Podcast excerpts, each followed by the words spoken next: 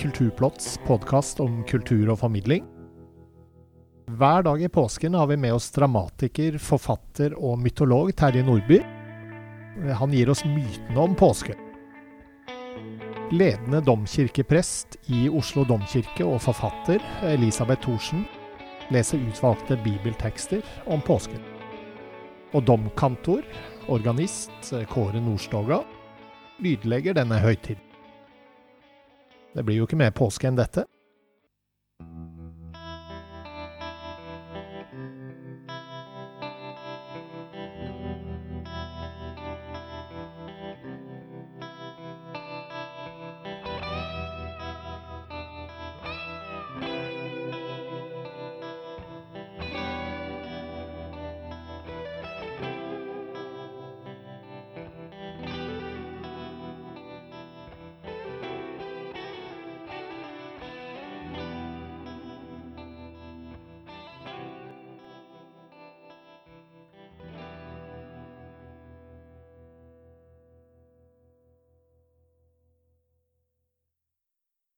I dag er det første påskedag, og det er oppstandelsens morgen.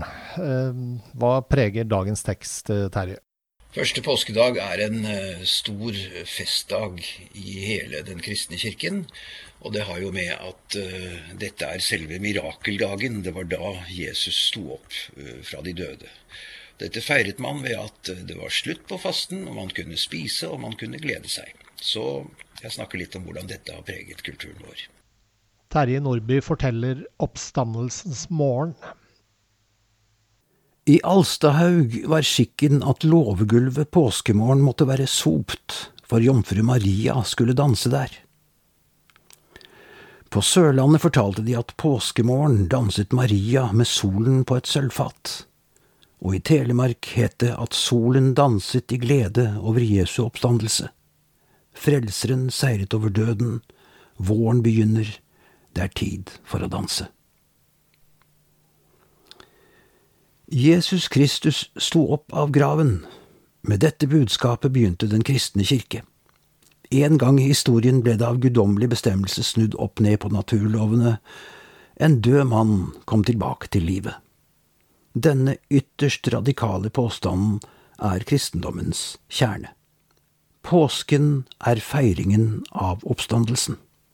Guds sønn hadde gått smertens vei for å gjenopprette menneskets kontakt med det guddommelige, lidd og dødd, og i dag, den tredje dag, våknet til nytt liv.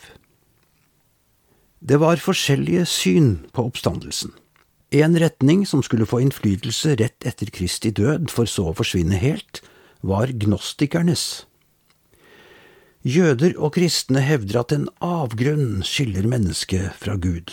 Gnosis betyr kunnskap, innsikt, intuitiv selverkjennelse. Gnostikerne ser Jesus som en veileder for tilgang til åndelig forståelse. Når opplysningen når frem, er den opplyste blitt ett med det guddommelige.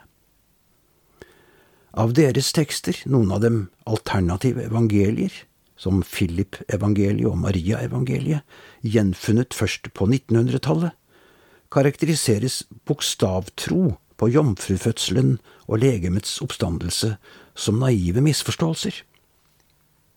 Johannesevangeliet i Bibelen beskriver Maria som gråter ved Jesu grav og plutselig får se Jesus. Han ber henne gå tilbake til disiplene og si at han nå vil fare opp til Gud. Det gjenfunne Maria-evangeliet fortsetter historien. Sitat.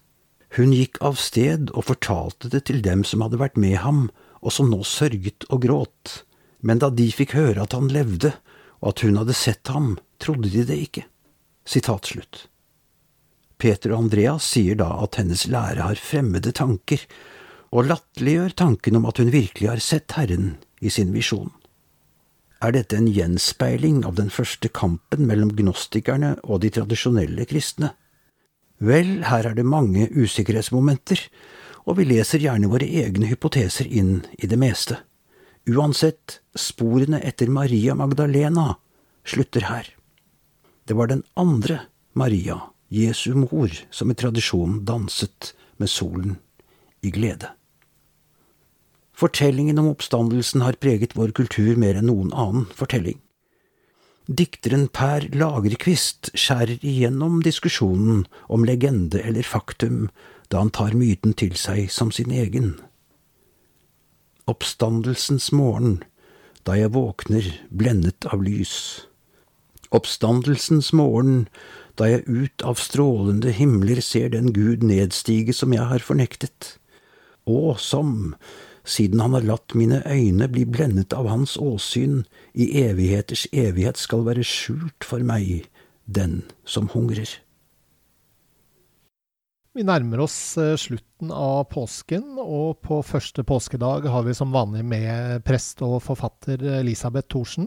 Eh, og eh, hun skal lese for oss. Og kan du si litt om dagens tekst, Elisabeth? Ja, vi følger Matteusevangeliet videre, og er kommet til slutten av kapittel 27 og går over i kapittel 28. Og vi følger kvinnene til graven. Da hører vi dagens tekst. Da det ble kveld, kom en rik mann som het Josef. Han var fra Arimathea og var også blitt en disippel av Jesus. Han gikk til Pilatus og ba om å få Jesu kropp. Pilatus ga da ordre om at den skulle bli utlevert. Josef tok Jesu kropp, svøpte den i et rent linklede og la den i en ny grav, som var hugget ut til ham selv i bergveggen. Så rullet han en stor stein foran inngangen og gikk. Men Maria Magdalena og den andre Maria var der. De satt rett overfor graven. Neste dag, dagen etter forberedelsesdagen, gikk overprestene og fariseerne sammen til Pilatus og sa, Herre, vi er kommet til å tenke på hva denne bedrageren sa mens han ennå levde. Etter tre dager blir jeg reist opp. Gi derfor ordre om at graven blir godt sikret til den tredje dagen, så ikke disiplene hans skal komme og stjele ham og si til folket at han er stått opp fra de døde. Da ville vi få et nytt bedrag, verre enn det første. Pilatus svarte, Her har dere vaktmannskap. Gå så og sørg for vakthold, slik dere finner det best. Da gikk de av sted og sikret graven både med seil som de satte på steinen, og med vaktmannskap. Da sabbaten var over og det begynte å lysne den første dag i uken, kom Maria Magdalena og den andre Maria for å se til graven. Med ett ble det et kraftig jordskjelv, for en Herrens engel steg ned fra himmelen, gikk fram og rullet steinen til side og satte seg på den. Han var som et lyn å se til, og drakten var hvit som snø. Vaktene skalv av redsel da de så ham, og de ble liggende som døde. Men engelen tok til orde og sa til kvinnene, Frykt ikke, jeg vet at dere leter etter Jesus, den korsfestede. Han er ikke her. Han er stått opp, slik som han sa. Kom og se stedet hvor han lå, skynd dere av sted og si til disiplene hans, han er stått opp fra de døde, og han går i forveien for dere til Galilea. Der skal dere få se ham. Nå har jeg sagt dere det. Da skyndte de seg bort fra graven, redde, men jublende glade, og de løp for å fortelle det til disiplene. Og se, Jesus kom mot dem og sa, Vær hilset.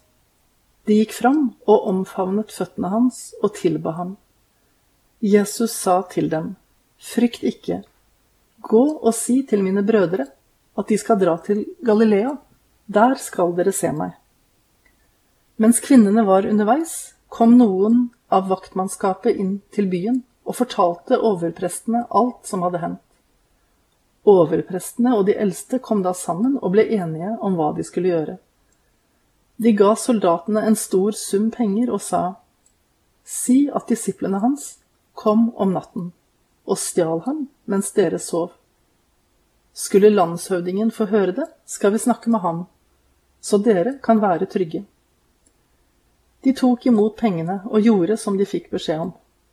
Og dette ryktet spredte seg blant jødene og har holdt seg til denne dag. Men de elleve disiplene dro til Galilea, til fjellet der Jesus hadde sagt han ville møte dem. Og da de fikk se ham, falt de ned og tilba ham. Men noen tvilte. Da trådte Jesus fram og talte til dem. Jeg har fått all makt, i himmelen og på jorden. Gå derfor og gjør alle folkeslag til disipler. Døp dem til Faderens og Sønnens og Den hellige ånds navn, og lær dem å holde alt det jeg har befalt dere. Og se, jeg er med dere alle dager inntil verdens ende. Vi har med oss Kåre Nordstoga denne påsken. Han er ledende kantor i Oslo domkirke. Hvilket stykke er det du har valgt i dag, Kåre? Dagens orgelkoral er eh, fra orgelbüchlein av Johan Sebastian Bach. Den heter Wenn wir ich höchsten Möten sein, og er en eh, kort, meditativ, eh, stemningsfull koral. Når vi i største nød mon stå, sang vi i Landstads salmebok. Den er ikke så ofte i bruk lenger, men eh, melodien vil mange fremdeles kjenne. Eh, den har jo også i seg mye av tvetydigheten og eh, skal vi si, skjønnheten, for å bruke et høy, høyverdig ord, som eh, også kler disse gamle bibeltekstene veldig godt. thank you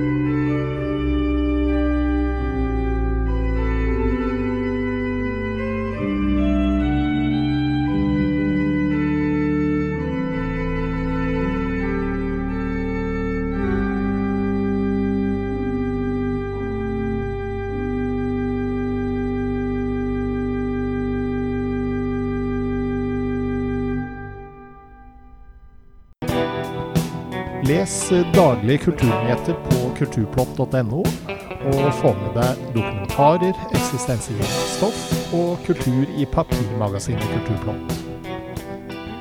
Plottet var ved programleder og teknisk ansvarlig Bård Andersson. For dere som er med oss og lytter til Påskeplottet, har vi et spesialtilbud på abonnement. For tre måneder betaler du bare 99 kroner. Gå inn på kulturplott.no og prøv, da vel.